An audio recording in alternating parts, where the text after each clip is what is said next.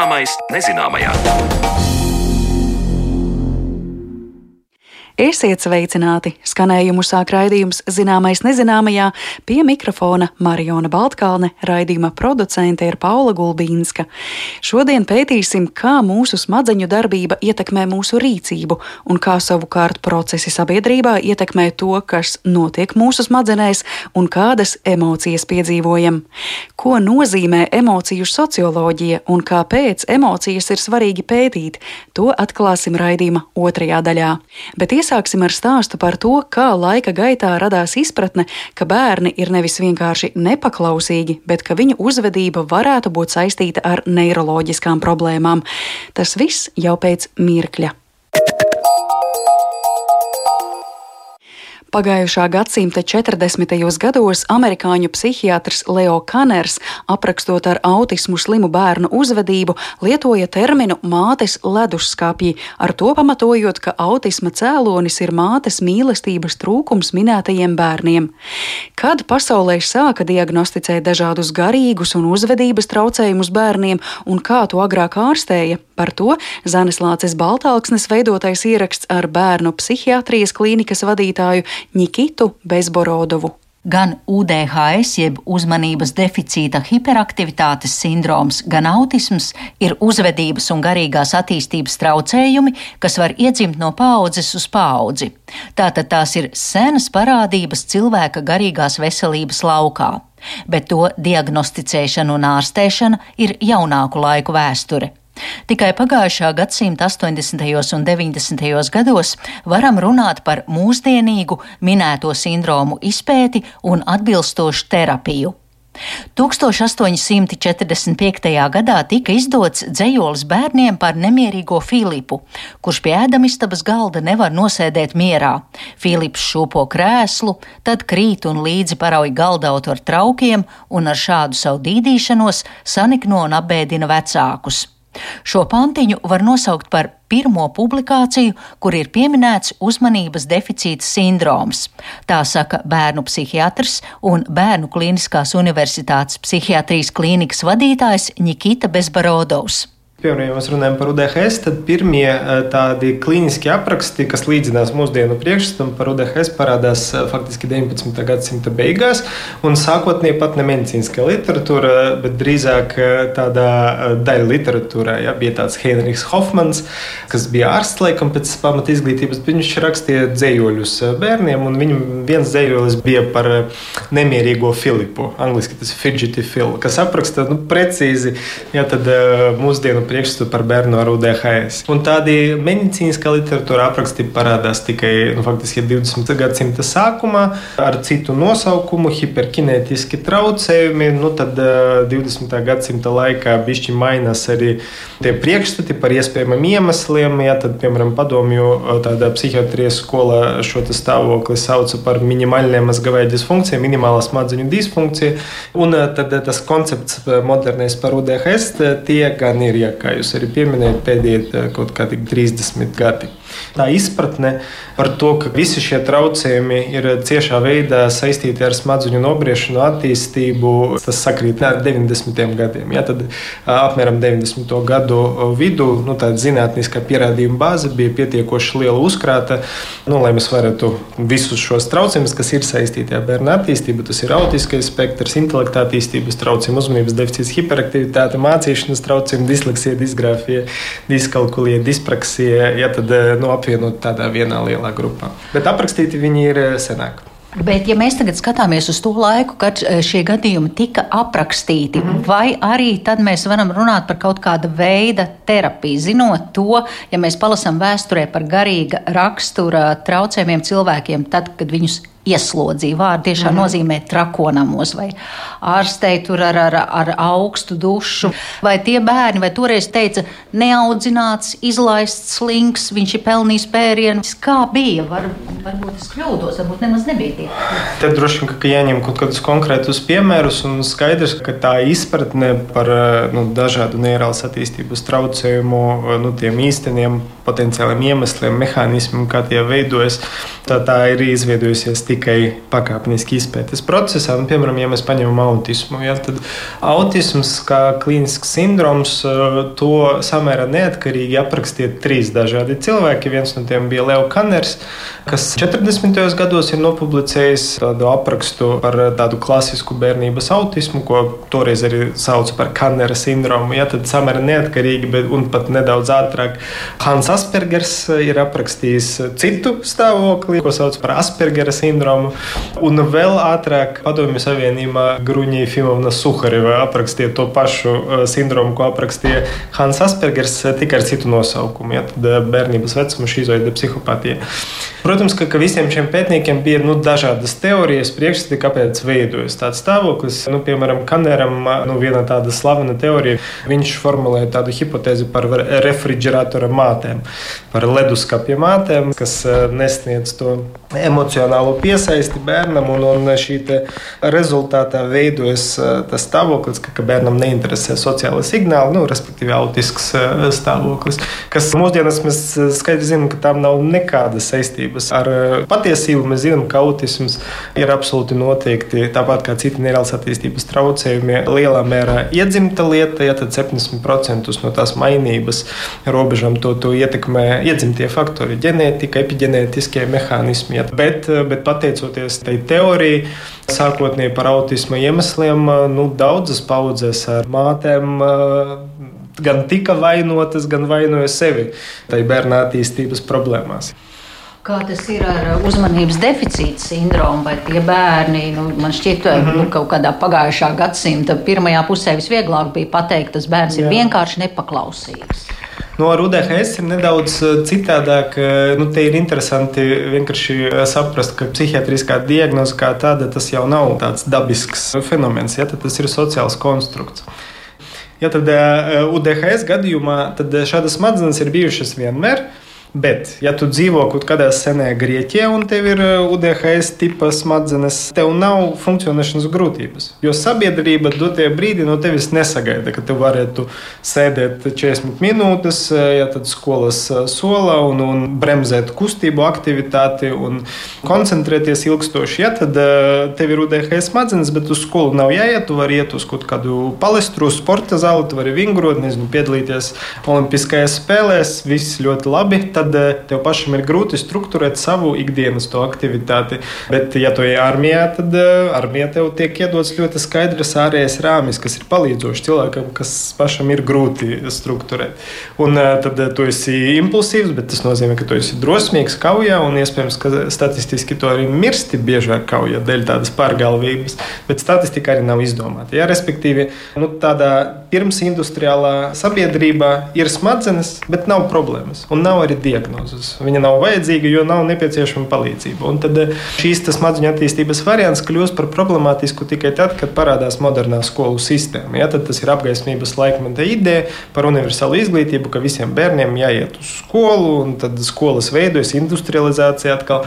Ja, tad tāds konvejeris, pirmā, otrā, trešā klase, bērni ir sakopoti lielās grupās ne jau pēc sava pieredzējas garozes brieduma, ja, tad, pēc kalendāra vecumam. Un šie ir apstākļi, kuros bērnam ar UDHS nevar nerasties funkcionēšanas grūtības, un tas ir tas brīdis, kad attiecīgi parādās tas priekšstats par UDHS kā par traucējumiem. Ja, jo ir gan tā atšķirība no, no vidusmēra, ja, gan arī funkcionēšanas grūtības, disfunkcija.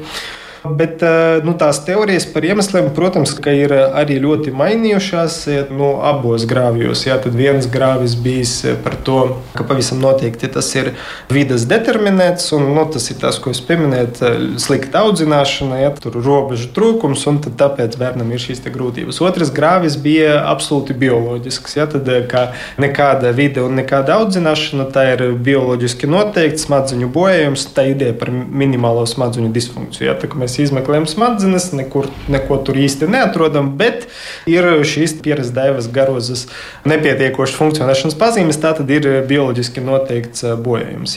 Un atkal eh, mēs zinām, ka nevienam ne otram nav taisnības, vai arī taisnība ir abiem. Ja? Jo visi psihiskie traucējumi, eh, ir īpaši nu, tie, par kuriem mēs runājam, neirāls attīstības traucējumi, mēs zinām, ka tie ir vienmēr ļoti kompleksi biopsihosociāli fenomeni. Tur vienmēr ir kaut kāda bioloģijas daļa, ja, tad, bet ar to bioloģiju bioloģiju nepietiek, lai traucējumi rastos. Ar to bioloģiju iedarbojas psihosociālā vide, tā skaita audzināšanas, vecākošanas, skola, izglītības, ja, tad, ja, viss, kas ir saistīts ar socializācijas vide. Un, tad šīs grūtības rodas tikai šeit sarežģītajā miedarbībā. Un, protams, ka dažādiem bērniem to ietekmējošu faktoru buķeti ir ļoti, ļoti atšķirīga pat ar vienu un to pašu diagnozi. Protams, nevar apgalvot, ka vēsturē visi speciālisti kļūdaini izskaidroja autisma vai uzmanības deficīta sindroma izpausmes. Te ir jāpiemina itāļu ārste un pedagoģe Marija Montesori, kura strādāja ar psihiski slimiem bērniem un 1907. gadā atvēra skolu, kurā izmantoja pašas izveidotu mācību metodiku arī veseliem bērniem. Proti metodas pamatā ir ticība bērna radošajam potenciālam, viņu vēlmē mācīties un tam, ka katrs bērns ir jāuzskata par individu. Taču kopaina gan 20. gadsimta sākumā, gan arī agrāk bija tāda, ka bērns ģimenē pirmām kārtām bija jāaudzina par paklausīgu cilvēku un jaunu darba spēku, un turīgu cilvēku aprindās primāri bija sniegt labu izglītību atvasei un parūpēties par materiālo bāzi, bet īpašu uzmanību tām vai citām bērna novirzēm no uzvedības normām nepievērsa.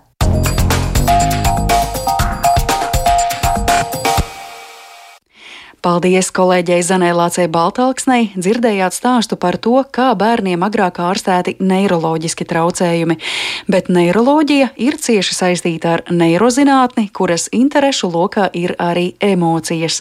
Kas ir emociju socioloģija, par to stāsts raidījuma turpinājumā.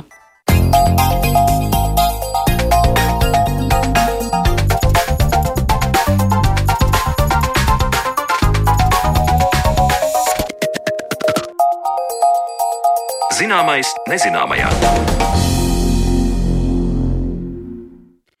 Vai emocijas var saskaitīt, izmērīt un padarīt par daļu no socioloģiska pētījuma? Vai tik subjektīva cilvēka izpausme, emocijas vispār ir izmantojamas kā dati? Un ko mēs varam pateikt par procesiem sabiedrībā, mērot emocionālo temperatūru?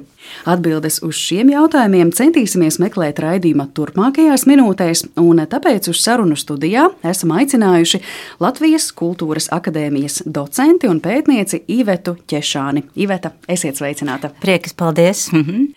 Mēs šim raidījumam, konkrēti šai sarunai, esam devuši tādu lielu virsrakstu, emociju socioloģija, bet es saprotu, ka mēs nekur tālāk netiksim šajā sarunā, ja patiesībā mēs nebūsim noskaidrojuši būtiskāko terminoloģiju, ko tas vispār nozīmē.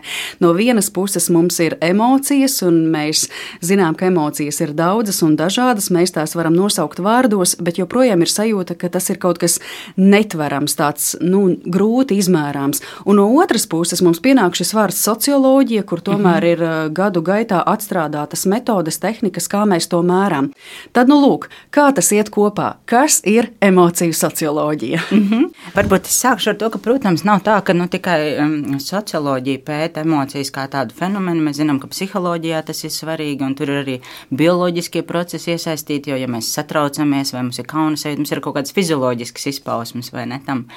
Bet eh, socioloģijā mēs tā kā uz tādām emocijām, kad mēs skatāmies uz viņām kā uz tādu sociālu fenomenu, mums īstenībā, ko mēs ar to saprotam, ka kaut kādai mūsu rīcībai ir emocionāla bāze, bet bieži vien tā emocionālā bāze pati par sevi savukārt arī ir balstīta kaut kādos sociālos notikumos. Ja?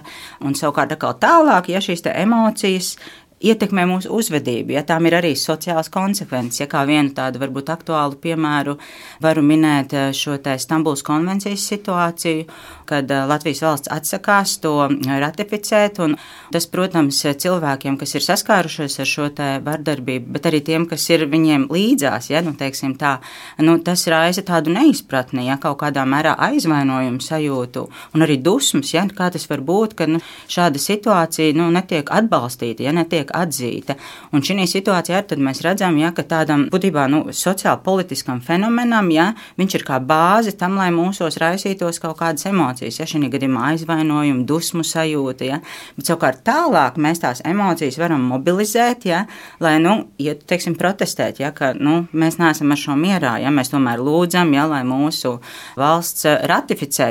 Tad, attiecīgi, mēs to emociju būtībā tai socioloģijā definējam kā tādu sabiedrībā un kultūrā balstītu sajūtu un afektu tipu. Ja? Nu, viņš ir veidojies tajās sociālajās attiecībās. Es eh, mēģināju šo stāstu pat kaut kā vizualizēt, un es iedomājos, mm -hmm. mums ir šie sociālie politiskie notikumi. Tas ir tas izējas punkts. Emocijas mm -hmm. nerodas vienkārši tukšā, plikā mm -hmm. gaisā. Ja? Un savā ziņā mēs atgriežamies tajā sākuma punktā, atkal pie tā mhm. sociālā mm -hmm. politiskā notikuma. Un tomēr tas nav gluži tas pats punkts. Mēs esam mainījušies, jo mēs esam tur tagad ar aktīvu rīcību. Mm -hmm. Mēs sapratām, ka kaut kas nestrādā, un tagad mēs kaut ko mēģinām darīt. Mm -hmm. Jautājums, vai kaut kas mainīsies, vai ne? Mm -hmm. Un vai mūsu emocijas tālāk atkal netiks uh, kāpinātas vēl vairāk. Tad jā, tas var jā. būt pat tāda kā elektrokardiogramma zigzagā. ilgstošs process, ja, nu, teiksim, no sociālo kustību vēstures uh, mēs zinām, ja, ka dažkārt tas pat ir 20, uh, 30 gadi, ja, kamēr mm. tā sociālā kustība panāk kaut kādus rezultātus. Ja. Un, protams, tas ir viss tā viļņveidīgi. Ja. Nu, nevar visu laiku būt dusmās dzīvot, ja, bet ir kaut kādas situācijas, kas sāsina to. Ja, teiksim, atkal mums ir saimnes sēde, ja, kurā mēs varam balsot, pieņemt vai nē, ja, tad atkal tas tāds vilnis uznāk, ja mēs ā, atkal esam sadusmojušies ja, un gribam rīkoties un darīt. Tad tas varbūt noplūk brīžiem, ja, un tas kaut kādo sociālo situāciju rezultātā atkal sāsinās. Jā, un es tieši šajā saistībā iedomājos, ka bija jau arī pozitīvi gadījumi, kad satversmes tiesa atzina mm -hmm. vienu vai otru pāri par ģimeni, un tad bija tik ļoti redzamas cita veida emociju mm -hmm. izpausmes sociālajos mēdījos, ka šīs ģimenes publiskoja kāds prieks, ka mēs esam ģimene, vai ne? Tad, tad tur no tāda ļoti liela sarūktinājuma un dusmām tas aiziet līdz pilnīgi cita veida emocijām. Jā. Īstenībā interesanti ir tāds um, Tomas Šefs, kas ir viens no tādiem uh, nu, klasiķiem, ja, kad mēs domājam par emociju socioloģiju, un viņš īstenībā runā par tādu sociālo saišu teoriju, un tad viņš saka, ka tās mūsu attiecības, ka mēs tā kā nu, visu laiku zondējam tai savās interakcijās, ja tā savā dzīvē, ja,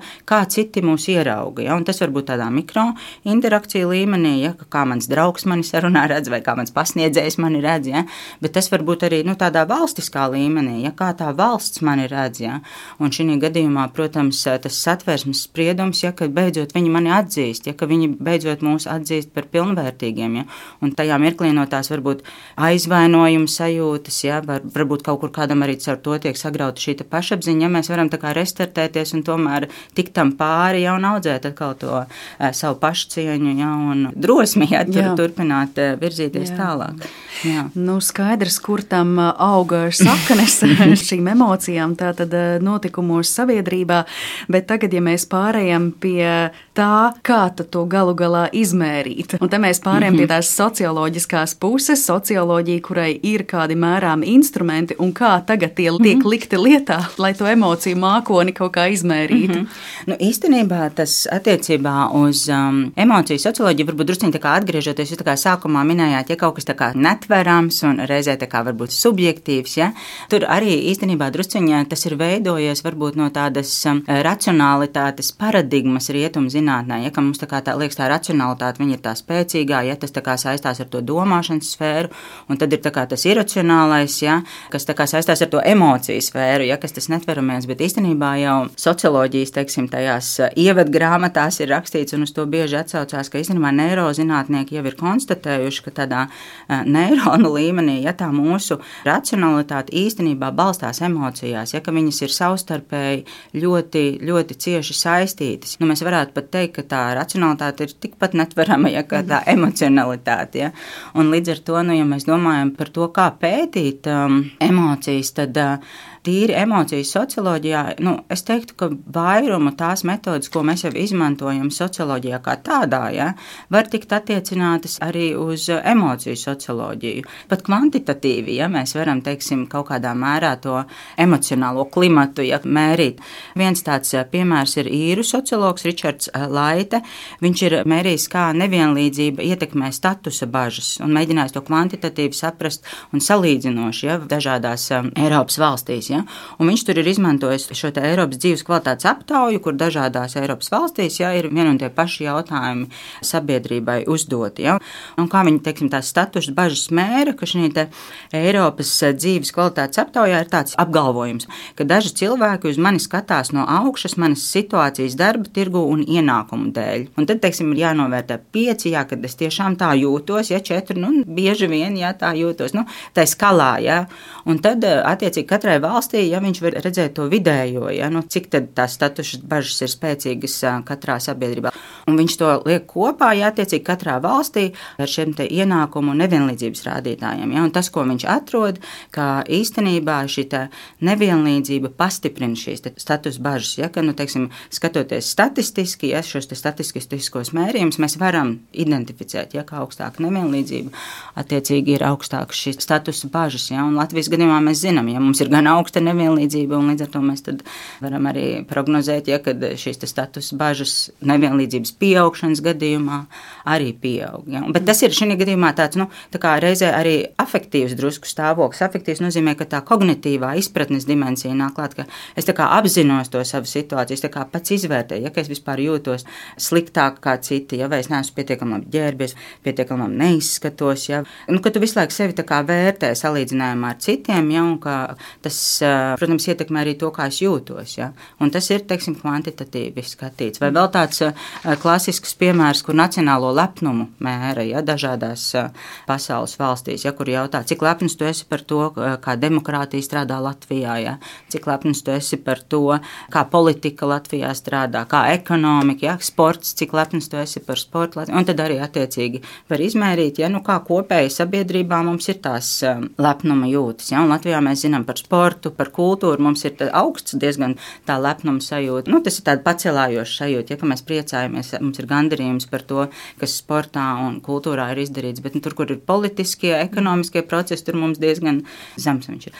Bet ir pētnieki, piemēram, Cintīna Miller Idris, ja, kas ir mēģinājis kvalitatīvi pētīt savukārt šo nacionālo lepnumu, ja, kā tādu emocionālu fenomenu Vācijā, un viņa caur savu pētījumu atkal atklāja, ka, teiksim, tāda kvantitatīva aptauja nu, diezgan neprecīzi kaut ko pateiks par to, kā cilvēki Vācijā jūtas eh, par savu valsti, jo tajās kvalitatīvās intervijās jautājot tieši cilvēkiem, ja, tur parādās, ka viņi, saka, nu, viņi neizjūt, ka tas nacionālais lepnums būtu kaut kas tāds, ko mēs varam attiecināt uz cilvēku attiecībām ar valsti. Ja. Un tur, protams, nāk līdzi visa Vācijas vēsture, ja, ka tur nav tas lepnums par tiem vēsturiskiem notikumiem, ja, un tur daudz saka, es vienkārši esmu piedzimis, ja, nu, kur es esmu, tur es dzīvoju, ja, nu, man nav īpašas izvēles, ja viņš nedomā nemaz tādās kategorijās, nu, viņi tad arī saka tais intervijās, ka, nu, mēs varētu varbūt domāt, vai man patīk būt Vācijā, bet, nu, nevis vai es esmu lepns. Tā kā, nu, ļoti atšķirīgi, ja, kas atkal norāda uz to, ka tās kvalitatīvās metodas varbūt mums var pateikt arī vairāk. Mm. Mani kolēģi un es pati es vairāk strādāju tieši ar šīm kvalitatīvajām metodēm. Un viena no tām, protams, ir šī dziļā intervija, kur mēs varam satikties ar cilvēku un izrunāt kaut kādas lietas. Mm. Jā, es šīs sarunas ievadā pieteicu to vārdu salikumu mērīt jā, emocionālo jā, temperatūru. Jā, vai? jā, jā, jā, jā, tāpēc es par to klimatu. Ir īstenībā tāds jēdziens, emocionālais klimats. Tas īstenībā ir tāds leģitīms jēdziens emociju socioloģijā. Emocionālais režīms arī mums ir jēdziens. Asa Vetergren ir Zviedru emociju socioloģija, kas tādu ir piedāvājusi. Ja? Nu, ka, teiksim, kaut kādā tādā makro līmenī, ja kaut kādas institūciju līmenī tiek noteikts, ja kā, teiksim, mums būtu jājūtās, ja, un tas veido kaut kādu tādu emocionālu režīmu. Ja mēs abas ar kaut kur mums sakrīt tā interese, jo mēs vienā laikā disertācijas rakstījām man kolēģi Liena Ozoliņa. Ja, mēs īstenībā arī balstoties uz mūsu abu disertācijām, tagad kopā strādājam pie viena raksta, kur tās um, emociju lietas ienāk. Ja mēs tā kā tādus trīs emociju tipus um, mēģinam identificēt, nu, kā Latvijas pilsoņi jūtās attiecībā pret Latvijas valsti, un tad uh, tur arī parādās drusku tāds emocionālais režīms, ka tajā laikā, kad um, mēs pārgājām no šīs padomu iekārtas uz jauno demokrātisku tautspolitisko un kapitalistisko iekārtu, tās idejas, kas mums ienāca no rietumiem, sakrit tā, ka tajā laikā neoliberālisms ja, ir tas valdošais režīms, un tādā kultūras sfērā tur ļoti liels uzsvers ir uz to individu atbildību. Ja, ka mēs kā, tiekam aicināti paši būt atbildīgi ja, par savu dzīvi. Ja, teiksim, valstiskā līmenī no mums tiek sagaidīts, ka mēs jūtamies atbildīgi, nevis kaut ko gaidām no valsts. Ja, un tas būtu viens tāds piemērs tādam emocionālam režīmam. Ja.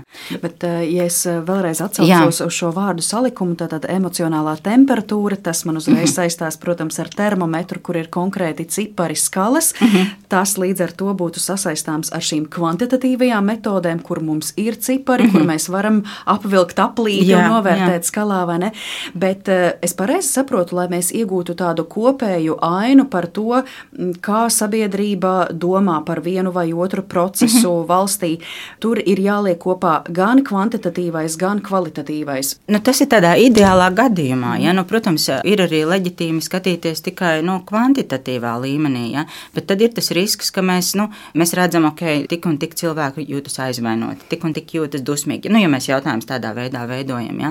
bet kāpēc tieši, ja? ka, nu, varbūt katrs drusciņi ir atšķirīgi kaut kādi apstākļi, nu, kāpēc jūtas dusmīgs. Ja? Un to mēs varam izmērīt tikai kvalitatīvā veidā. Ideāli ir, teiksim, arī veidojot šīs kvantitatīvās aptaujas, ar kuru palīdzību varbūt šo emocionālo klimatu vēlas identificēt, ja pirms tam ir bijuši varbūt kādas intervijas, ja, padziļinātas metodas, ar kurām mēs jau tā kā pazondējam, ja, kāda tur ir tā situācija, jo tas mums atkal palīdzētu noformēt precīzāk tos jautājumus, ja, lai viņi vislabāk nomērītu ja, mums to emocionālo klimatu. Bet droši vien kaut kāds eh, subjektīvais faktors parādās jebkurā gadījumā, vai ne? Jo tas izriet no cilvēka personīgās dzīves, kas viņam sāp. Varbūt iedomājoties vēl par kādu piemēru, mm -hmm. Sieviete ar bērnu, sieviete bez bērna, kā uz viņām raugās sabiedrībā, kādas prasības pret viņām izvirza, un tad viena teiks, es jūtos slikti tāpēc, ka, otra teiks, es jūtos slikti -hmm. tāpēc, ka, un šeit tas personīgais, nu es to saucu par subjektīvo, mazliet ienāk iekšā, vai ne? Mm. Ir tā, ka es esmu daudz saistībā ar emigrantiem taisījusi intervijas un intervējusi mm, emigrantus, un, protams, katrs tas stāsts ir kaut kur subjektīvs, bet katrā tā stāstā caur to biogrāfiju ienāk arī tas sociālais konteksts. Ja? Un tas sociālais konteksts būtībā ir tas, kas tos stāstus dažkārt ļauj tomēr savietot nu, kā līdzīgus, ja? kā tādus, kur vieni fenomeni viņus veidoja. Viens tāds piemērs, kas nāk prātā, ka starp emigrantiem diezgan bieži var izjust tās dusmas pret valsti, ja? ka nu, ir tas aizvainojums. Ja? Un viens tas, protams, ir veidojies nu, tā salīdzinājumā, ja? ka tu aizbrauc un ka tu redz, oh, var savādāk, ja tur ir diezgan atbalstoša tā sociālā politika, arī valsts institūcijās ļoti laipni izturās. Ja?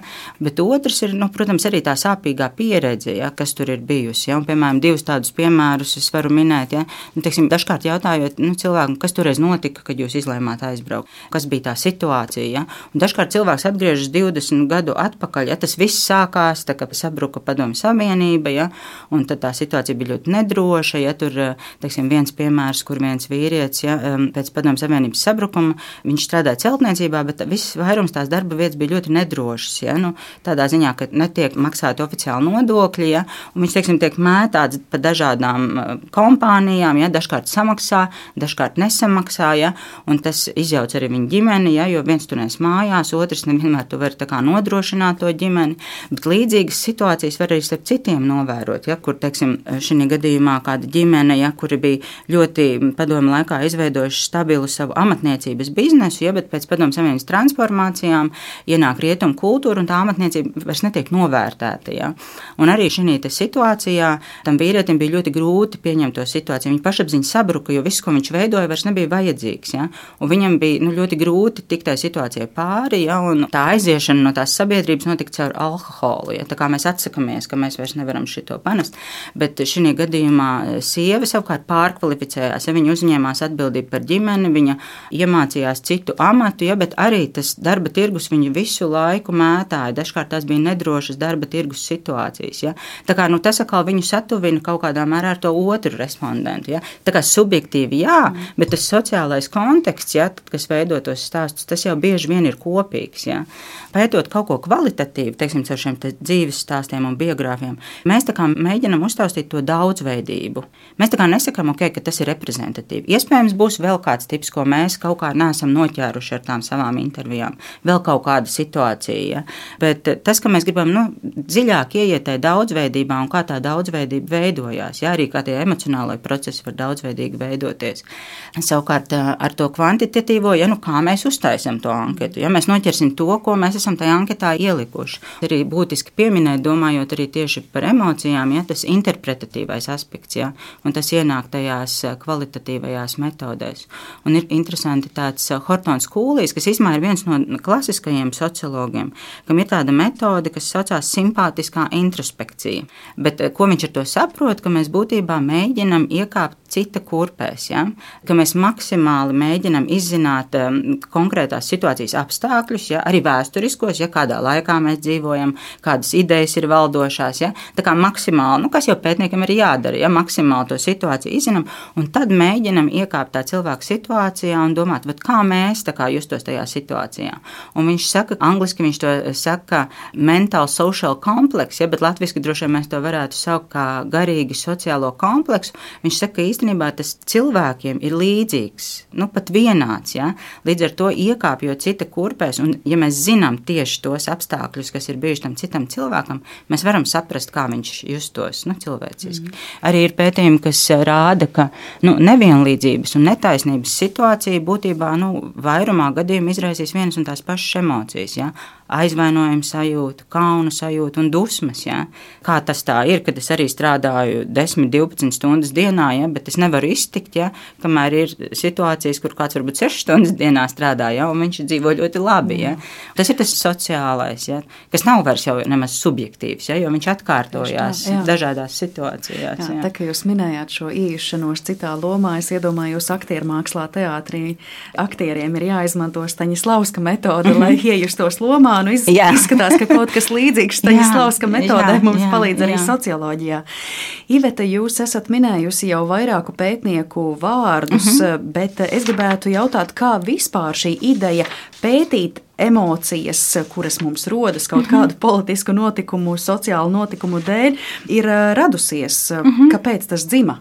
Ir tā, ka emociju socioloģija veidojās 70. gados. Tas nenozīmē, ka sociologi pirms tam jau nerunāja par emocijām. Ja? Tagad eh, jau tas ir pavisam uh, daudzos citos rakstos izpētīts, ka gan uh, Emīls Dirkhems, ja, gan Marks, gan Vēbers, arī viņiem tā, tā emocija bija aktuāla. Varbūt viņi tā neizcēla to kā tādu galveno analītisko dimensiju, bet viņi bija aktuāli. Piemēram, Kārlis Marks runāja par atsvešināšanos kapitālismu sabiedrībā, ja? ka mēs kapitālismu kapitālisma darba rutīnā, ja, kur mēs esam pakļauti kādam, ja, kas diktē, ko mums darba vietā darīt, nu, kāds priekšnieks, ja, ka viņš kā, nu, atņem mums to varu spriest par to, kā mēs strādājam, ja, kā mēs organizējam to savu dienu. Un tas tāda atsvešinātības sajūta, ja, ka man nav varas par to savu dzīvi. Bet nu, arī tas kapitālisms ar to konkurenci atsvešina mūs vienu no otra, ja, ka mēs tā kā neesam kopā ja, un, un viens otru atbalstoši, bet kaut kur visu laiku konkurējam. Ja, tas arī dažkārt rada tādu atsvešinātības sajūtu. Tā kā Marks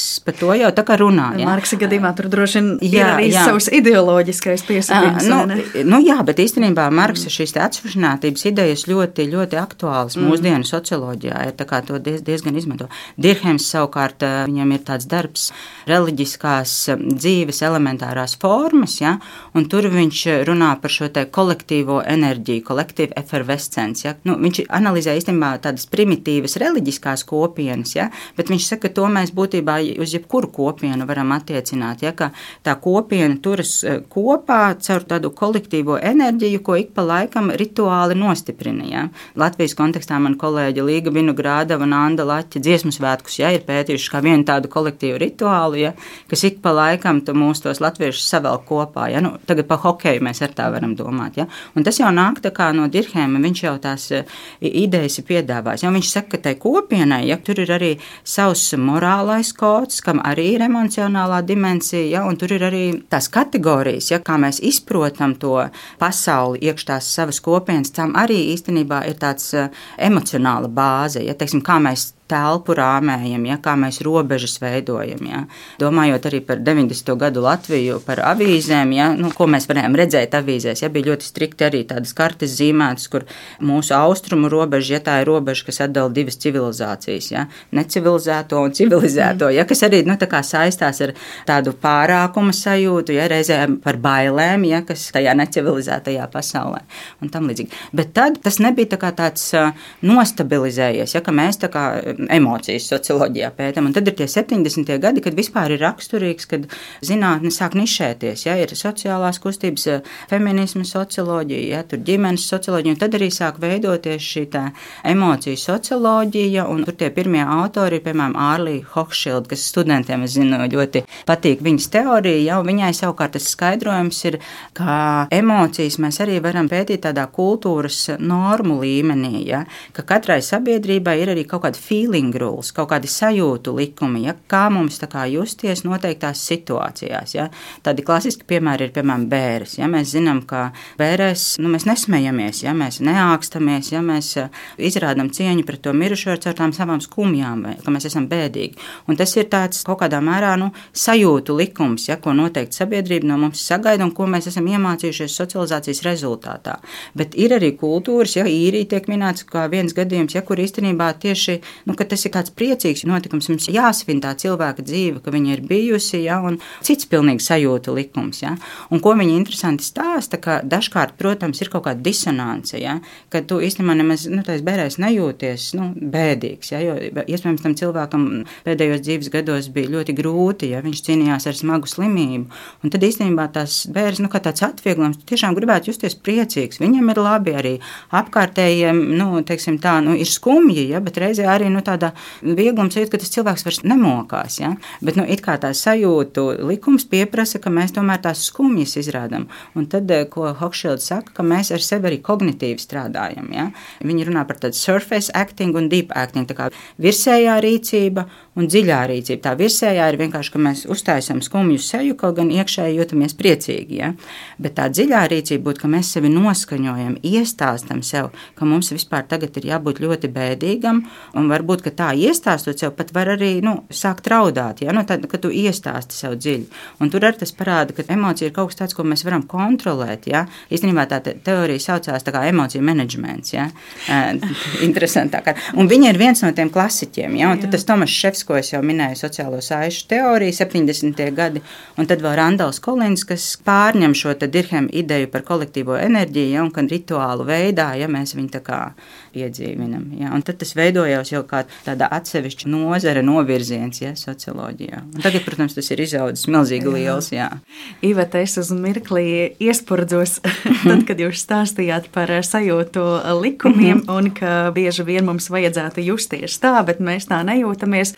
Emociju sociologi plāno mm, pieskarties tādam fenomenam Latvijā, kā viss ir slikti. Neatkarīgi no tā, ko mhm. mēs piedzīvojam, vienmēr viss ir slikti. Un mm -hmm. nesen mums bija taču lielais pacēlums ar bronzas medaļām pasaules jā, jā. hokeja čempionātā. Mums būs dziesmu svētki. Vienmēr būs kāds, kam būs slikti, iedot mm -hmm. brīvdienu, jo hokeistus gribam apsveikt, ir slikti. Mm -hmm. Dziesmu svētku laikā arī būs brīvdiena, kas jau sen ir izziņots. Ja? Jā, 10. Arī, jūlijas, jā. jā. A, arī būs slikti. Mm -hmm. Tas ir tāds Latvijas fenomens. Nu, teiksim, teikt, ka viss ir slikti, ir kaut kas tāda kultūras īpašība, kas Latviju raksturo, tomēr ir tāda esencializācija, ja, ka mēs tā kā gribam pierakstīt, ka mums tas tā kā gandrīz dabiski piemīt. Ja.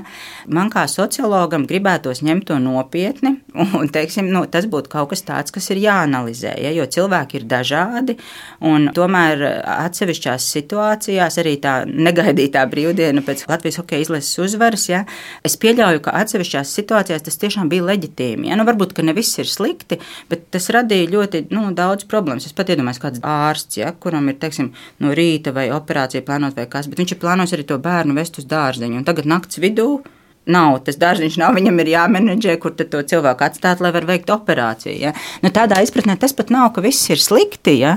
bet es domāju, ka, nu, kā sociologam, man prasītos tomēr pieiet nopietni, un es negribētu kritizēt, ja ar emocijām mēs varam arī disciplinēt kādu, ja tā kā kaunināt kādu.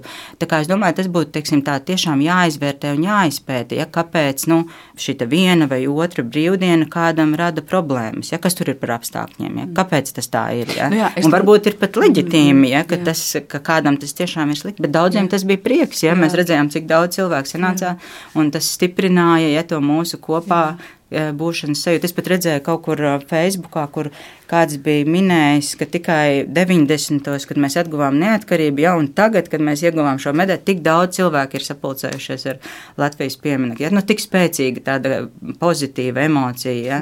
mīlestība jā. vienam pret otru. Jā, jo, jo es negribētu to reducēt tikai jā, jā. šo brīvdienu, jā, hokeja, jā, jā, bronzas jā. medaļu saistībā, bet varbūt arī citās situācijās, kur cilvēki jau varbūt paši par sevi sāk pasmieties arī sociālajos mēdījos ar tēmturiem. Nu, kārtējo reizi viss ir slikti slikti, un kas tu esi par latvieti, ja tev viss ja ir tā, labi. Ja viss ir labi, nu jā, nu jā.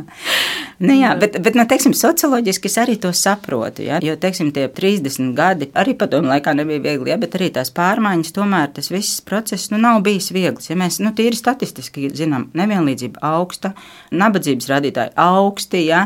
šī ziema īpaši ja, vēl dzīves sadārdzinājums un tam līdzīgi. Ja? Nu, ir arī tomēr kaut kādi sociāli apstākļi, ja? kas liek domāt, ka nav viegli. Ja? Nu, ne, nu, varbūt nav arī, ka ir ekstrēmi grūti, bet nav arī viegli. Ja? Un, protams, tas ir tas nākamais, ka mēs varam nodarboties ar ko Hokšilda saka, ar šo deep acting, ja, jo varbūt sabiedrība mūs arī ar šī tādu humoru drusku disciplinē, atkal viss ir slikti, ja, tā kā drusku mūs disciplinē, mums parādā, kā tu gribi dusmoties, ja, un ka mēs sākam sev iestāstīt, ne, nu nav jau tik slikti, ja, un mēģinam tā kā justies labi, ja, nu kognitīvi ar sevi strādāt, lai mēs tā kā paustu tomēr tādu pozitīvu to emociju, ja.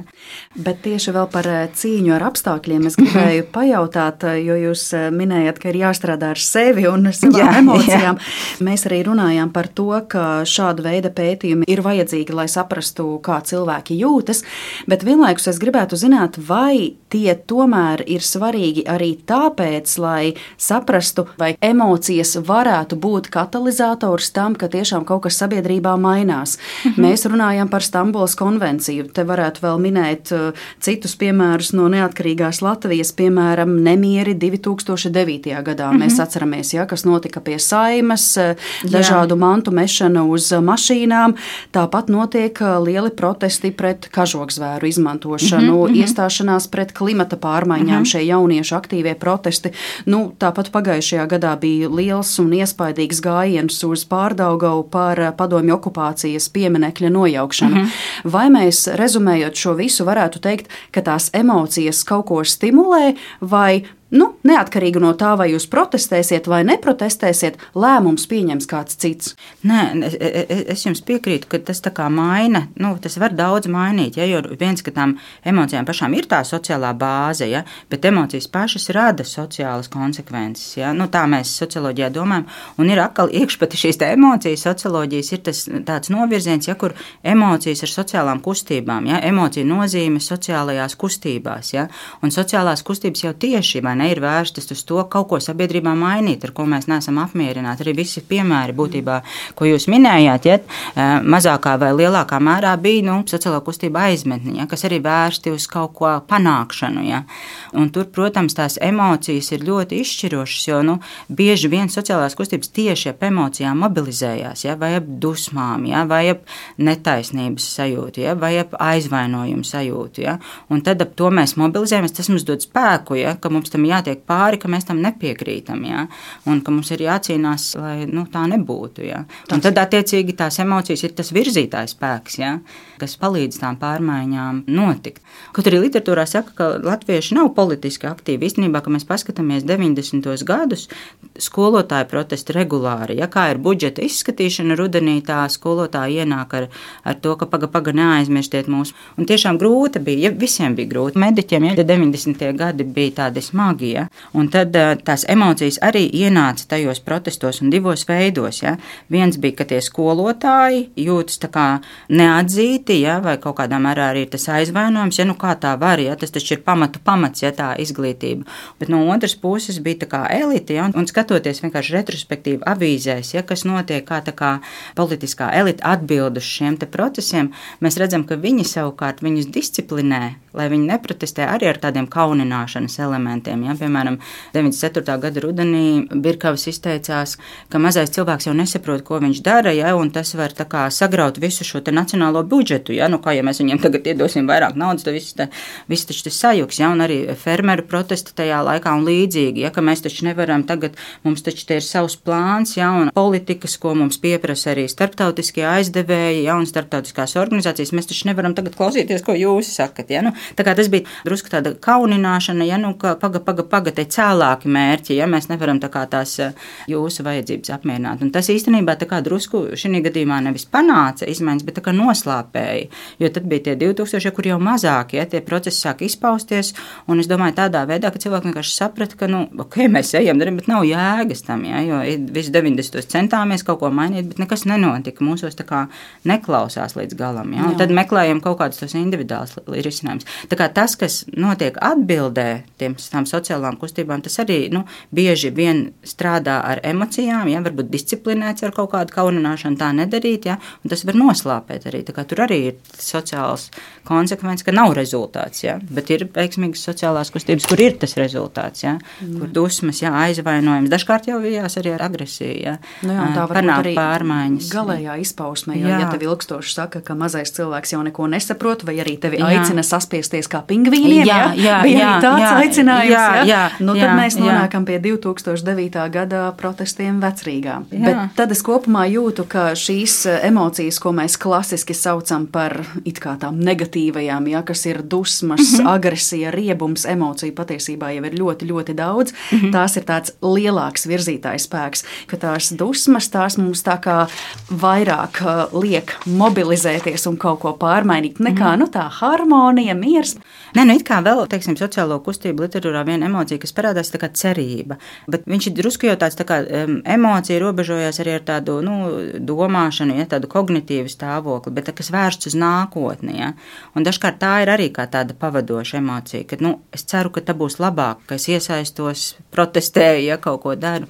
Bet cerība vien nepietiks, ja tur vajag to iekšā, to neapmierinātību, ja, lai kaut kā tās uh, lietas uh, virzītu jau uz priekšu. Mm. Arī tie jūs piemēri, vai ne, ko jūs minējāt, nu, tur jau arī pamatā tas, tās neapmierinātības, ja mēs tā varam teikt, emocijas parādās. Es jums eh, noslēgumā gribēju vēl jautāt, jūs redzat, ka ir kāds varbūt būtisks eh, process, eh, fenomens, ko no tāda emociju socioloģijas perspektīvas būtu svarīgi Latvijā izmērīt.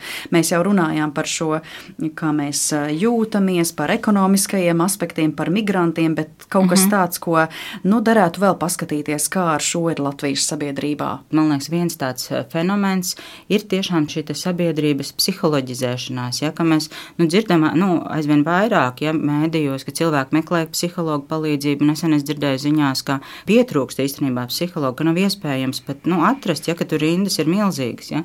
Un tas arī tomēr liecina, ka tas emocionālais klimats ja, mūsu sabiedrībā, ka kaut kas nav kārtībā. Ja? Un tas varētu būt viens tāds, nu, kas man arī pašai, ja, un pārunājot ar kolēģiem, arī šķiet, ka varētu interesēt, ja to varētu nu, pētīt arī socioloģiski. Jā. Nu, es vēlu jums veiksmi un lai izdodas pietuvoties šiem rezultātiem, un es tā jūtu, ka tāds emocionālais termometrs, kurā ir gan ciparu skalas, gan varbūt arī kaut kādas citas plašākas kategorijas, kā mums izmērīt, kā mēs kā sabiedrība jūtamies, ir vajadzīga gan pētniekiem, gan lēmumu pieņēmējiem, dažādu institūciju pārstāvjiem, gan arī vienkārši cilvēkiem individuāli ikdienā, lai mēs katrs varam uz to termometru paskatīties un saprast, jā, kā mēs jūtamies un kā mums tālāk rīkoties un uz ko virzīties. Ivet, Bet liels paldies, ka jūs šo emociju pasauli salikāt kopā ar socioloģiju un ļāvāt labāk saprast, kas tad notiek mūsu sabiedrībā un ko mēs gadu gaitā esam paši par sevi sapratuši izskanējuši. Un es atgādināšu, ka zināmais nezināmajā studijā šodien viesojās Latvijas Kultūras akadēmijas docente un pētniece Iveta Ķešāne. Paldies jums par Liels sarunu. paldies jums! Un ar to mūsu šīs dienas raidījums izskan. Par to parūpējās producente Paula Gulbīnska. Par mūziku šai stundai gādāja Girts Bišs, skaņu režijā bija Reinis Budze un Mariona Baltkalne pie mikrofona. Paldies, ka jūs pievienojāties mums šajā stundā un uz sadzirdēšanos atkal citu reizi.